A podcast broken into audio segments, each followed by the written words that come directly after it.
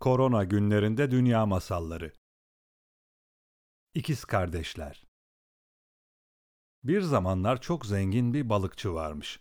Balıkçıyla karısının hiç çocuğu yokmuş. Günlerden bir gün evlerine yaşlı bir kadın gelmiş ve balıkçının karısına demiş ki, çocuğun olmadıktan sonra bu kadar varlığı, zenginliği ne yapacaksın? Tanrı'nın hikmeti diye yanıtlamış balıkçının karısı. Hayır kızım, Tanrı'nın hikmeti değil. Kocanın avlandığı sularda küçük bir kırmızı balık var. Eğer kocan o küçük kırmızı balığı tutsaydı çocuğunuz olurdu. O yüzden bütün kabahat kocanda. Akşam eve gelince söyle ona ne yapıp etsin o balığı tutsun ve altı parçaya bölsün. Parçalardan birini sen, birini kocan yiyin. Birini köpeğine, birini de kısrağına yedir. Kalan iki parçayı da evin sağ ve soluna göm. Bir süre sonra iki çocuğun olacak. Köpeğinin ve kısrağının da ikişer yavrusu doğacak. Evinin sağ ve soluna gömdüğün parçaların yerine de birer selvi ağacı bitecek, demiş yaşlı kadın ve çıkıp gitmiş. Akşam kocası eve gelince yaşlı kadının söylediklerini bir bir anlatmış kadın.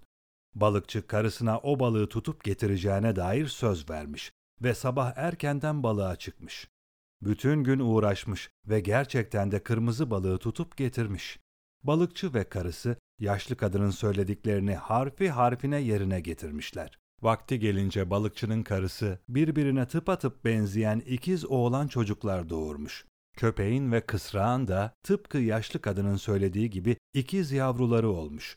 Evin her iki tarafındaysa birbirinin kopyası iki tane selvi ağacı boylanıp budaklanmaya başlamış. Oğlanlar büyüyüp delikanlı olduklarında ailelerinin hali vakti yerinde olmasına rağmen evden ayrılıp dünyayı keşfetmek ve kendi isimlerini yapmak istemişler. Babaları başka evlatları olmadığı için her ikisinin aynı anda gitmesine razı olmamış. Önce biriniz gidin, o geri gelince de ötekiniz gitsin, demiş. Böylece oğlanların biri köpeğini alarak yola koyulmuş ve kardeşine demiş ki, selvi ağaçları yeşil olduğu sürece bil ki ben sağ ve hayattayım. Ama biri solmaya başlarsa hiç durma ve peşimden gel, demiş. Delikanlı yola çıkmış.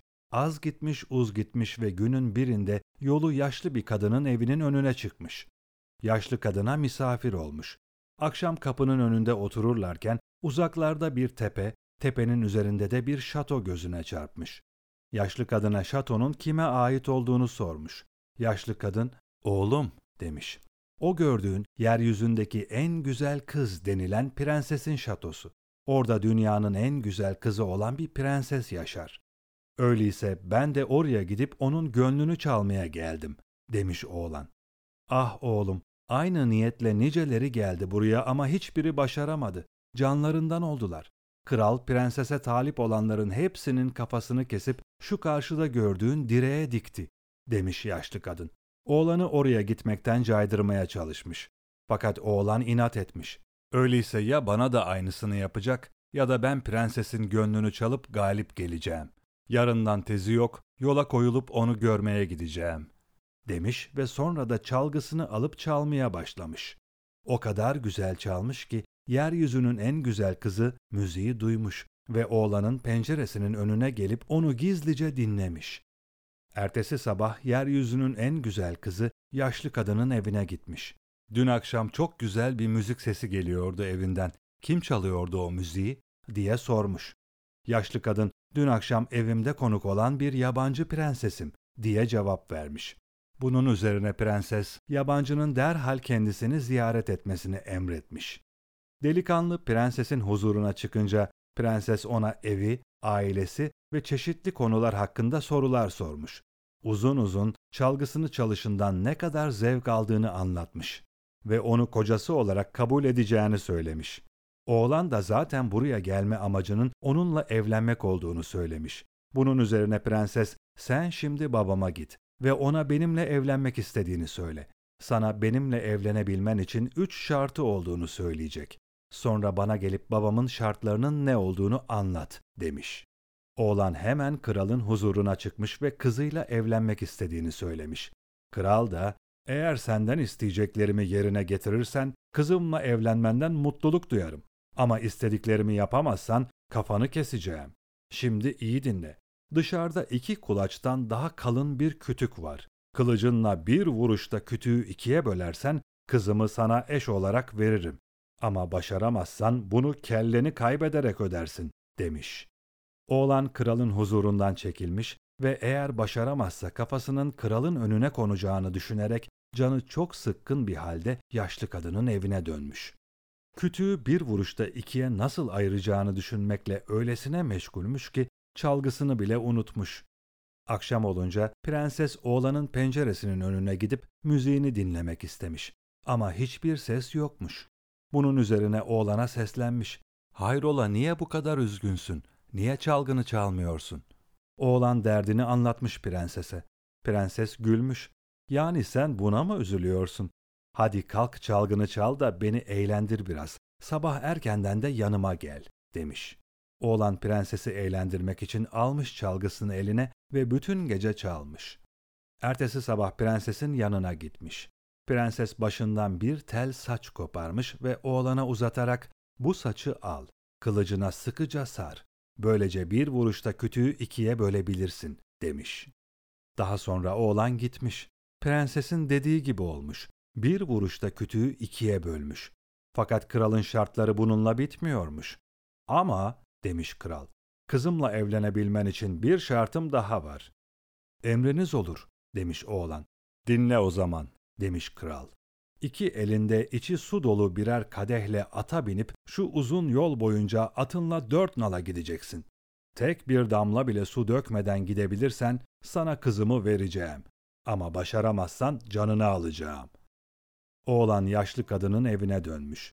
Canı yine öyle sıkılmış ki çalgısı bile aklına gelmemiş. Akşam olunca prenses yine müzik dinlemek için penceresinin önüne gelmiş ama hiç ses yokmuş. Oğlana seslenmiş. Seni müziğinden bile alıkoyacak kadar büyük ne derdin var? Delikanlı kralın emrini anlatmış prensese. Prenses, sen şimdi bunu kafana takma. Hadi çalgını çal ve yarın sabah da yine yanıma gel, demiş. Delikanlı çalgısını çalmış. Yeryüzündeki en güzel kız da önceki gecelerde olduğu gibi zevkle dinlemiş onu. Sabah olunca delikanlı prensesi görmeye gitmiş. Prenses parmağından iki yüzüğü çıkarıp oğlana vermiş ve al bu yüzükleri kadehlerdeki suyun içine at. Yüzük suyu dolduracak ve böylece sen de bir damla bile su dökmeden atını dört nala sürebileceksin, demiş. Delikanlı aynen prensesin dediği gibi yapmış ve suyu dökmeden sonuna kadar taşımayı başarmış. Bunun üzerine kral demiş ki, şimdi sana üçüncü ve son bir görev vereceğim. Yarın benim siyahi fedaimle dövüşeceksin. Eğer onu yenersen kızımla evlenebilirsin. Delikanlı sevinçle yaşlı kadının evine dönmüş. O akşam o kadar mutluymuş ki müzik dinlemek için penceresinin önüne gelen prenses şaşırarak ''Bu akşam çok neşeli görünüyorsun. Babam seni bu kadar sevindirecek ne söyledi?'' diye sormuş. Baban benden yarın siyahi fedaisiyle dövüşmemi istedi. O da benim gibi bir tanrı kulu. Onu alt edeceğim ve bu yarışı kazanacağım. O yüzden böyle sevinçliyim, demiş. Ama prenses itiraz etmiş. Bu en zoru, demiş. O siyahi fedai benim. İçeceğim bir iksir beni bir süre için yenilmez güçte siyah bir adama dönüştürecek. Yarın sabah pazara git. 12 tane manda derisi satın al ve bunları atına kat kat iyice sar. Sen de sana verdiğim bu örtüye sarın. Beni senin üstüne saldıkları zaman bu örtüyü bana göster ki seni öldürmeyeyim. Sen de benimle dövüşürken atımı iki gözünün ortasından vurarak öldürürsen beni yenmiş sayılırsın. Sabah olunca delikanlı pazara gidip 12 tane manda derisi satın almış. Atının her tarafını manda derisiyle kat kat iyice sarıp sarmalamış. Daha sonra saatler süren dövüş başlamış. 11. deri de parçalandıktan sonra delikanlı fedainin atını gözlerinin ortasından vurarak öldürmüş ve böylece fedai yenik sayılmış. Kral delikanlıya üç şartımı da yerine getirdin. Artık benim damadım olabilirsin demiş. Ama delikanlı öncelikle benim halletmem gereken bir işim var. 14 gün sonra gelip gelinimi alacağım demiş ve yola koyulmuş.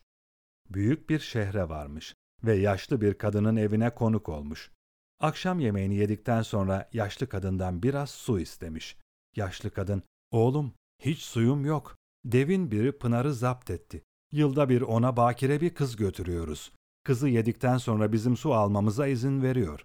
Şimdi sıra kralın kızına geldi ve yarın prenses deve kurban verilecek. Ancak o zaman su alabileceğiz, demiş. Ertesi gün aynen planlandığı gibi prensesi Pınar'a götürmüşler. Kızı altın zincirlerle bağlamışlar ve orada yalnız bırakarak geri çekilmişler. Zavallı prenses korku ve dehşet içinde ağlıyor, tir tir titriyormuş. Herkes gittikten sonra delikanlı kızın karşısına çıkmış ve ona bu kadar acı veren şeyin ne olduğunu sormuş. Kız da dev birazdan kendisini yiyeceği için çok üzgün olduğunu söylemiş.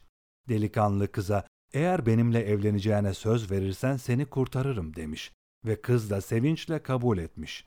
Dev gelince delikanlı köpeğini devin üstüne salmış. Köpek devin boynuna saldırmış ve öldürmüş onu. Böylece prenses kurtulmuş. Kral kızın kurtulduğunu öğrenince oğlanla evlenmesine razı olmuş ve büyük bir sevinçle düğün yapılmış. Genç çift 101 hafta boyunca hiç çıkmadan sarayda yaşamışlar. Oğlan sonunda sıkılmaya başlamış ve ava çıkmak istediğini söylemiş. Kral onu bu isteğinden vazgeçirmek için çok uğraşmış ama başaramamış. Sonunda damadına yanına muhafız alması için yalvarmış. Genç delikanlı reddetmiş. Sadece atını ve köpeğini alıp yola çıkmış. Az gitmiş, uz gitmiş. Dere tepe düz gitmiş. Sonunda çok susadığını fark etmiş. Uzakta bir kulübe görmüş ve su istemek için atını kulübeye doğru sürmüş. Kulübenin sahibi yaşlı bir kadınmış. Suyunu paylaşmak istememiş. Delikanlı yaşlı kadına biraz su vermesi için yalvarmış. Kadın önce oğlanın köpeğine asasıyla dokunmak istediğini söylemiş. Böylece kadın su getirmeye gittiğinde köpek onu ısırmayacakmış. Delikanlı razı olmuş. Kadın asasıyla köpeğe dokunur dokunmaz köpek taş olmuş. Ardından kadın delikanlı ve atını da taşa dönüştürmüş.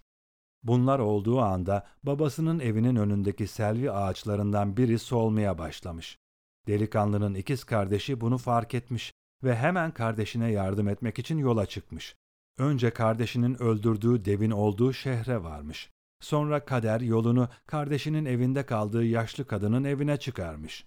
Yaşlı kadın delikanlıyı görünce onu ikiz kardeşi sanmış ve kralın kızıyla evlendiğinde sana mutluluklar dilemeye gelemediğim için bana gücenme diyerek karşılamış.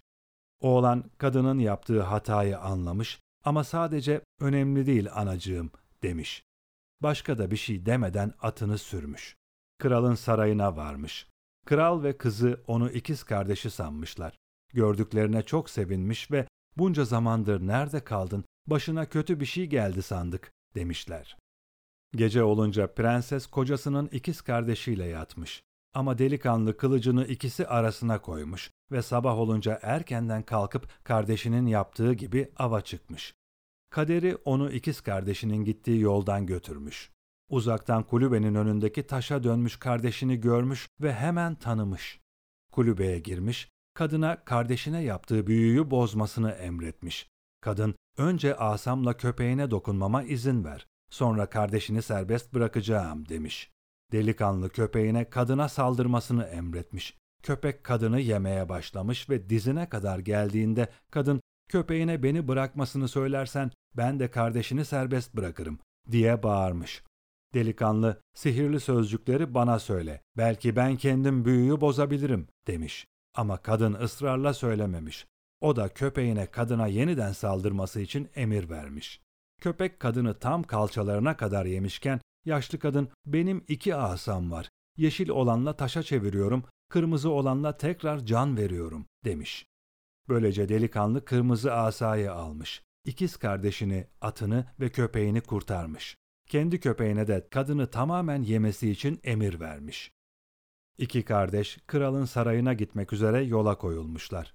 İkinci delikanlı selvi ağacının nasıl kuruyup sararmaya başladığını bunun üzerine ikiz kardeşini aramak için nasıl yola çıktığını, kayınbabasının sarayına nasıl geldiğini, kral ve prensesin kendisini nasıl o sandıklarını ve o gece nasıl prensesle aynı yatakta yattığını anlatmış. Bunun üzerine ikiz kardeşi çok öfkelenmiş ve kardeşini alnının ortasından vurarak öldürmüş. Sonra kayınbabasının sarayına tek başına dönmüş. Gece olunca karısıyla yatarken Prenses dün akşam bir derdin mi vardı? Bana tek kelime bile etmedin demiş. O zaman delikanlı o ben değildim. İkiz kardeşimdi. Senin karısı olmanı talep ettiğini düşünüp onu öldürdüm demiş. Onu nerede öldürdün? Cesedini bulabilir misin? Diye sormuş prenses. Tam olarak nerede olduğunu biliyorum demiş oğlan. O zaman sabah oraya gideceğiz demiş prenses. Sabah olunca birlikte yola çıkmışlar. Gidecekleri yere varınca prenses yanında getirdiği küçük bir şişeyi çıkarmış ve şişedeki iksirden birkaç damlayı cesedin üzerine serpiştirmiş. Böylece delikanlı canlanmış. Kardeşinin canlanıp ayağa kalktığını gören ikizi çok sevinmiş. Dünyalar onun olmuş. Kardeşine sarılıp beni affet kardeşim. Karımı senden kıskandığım için öfkemden gözüm döndü. Seni öldürdüm. Çok yanılmışım. Karım bana her şeyi anlattı demiş. Sonra birbirlerine sarılarak yeryüzünün en güzel kızının şatosuna gitmişler ve bekar olan kardeş prensesle evlenmiş. Sonra iki kardeş anne babalarını da yanlarına alarak hep birlikte mutlu bir hayat sürmüşler. Çeviren Heval Ceylan Gilchrist Editör Nuray Önoğlu. Seslendiren Burçin Çakar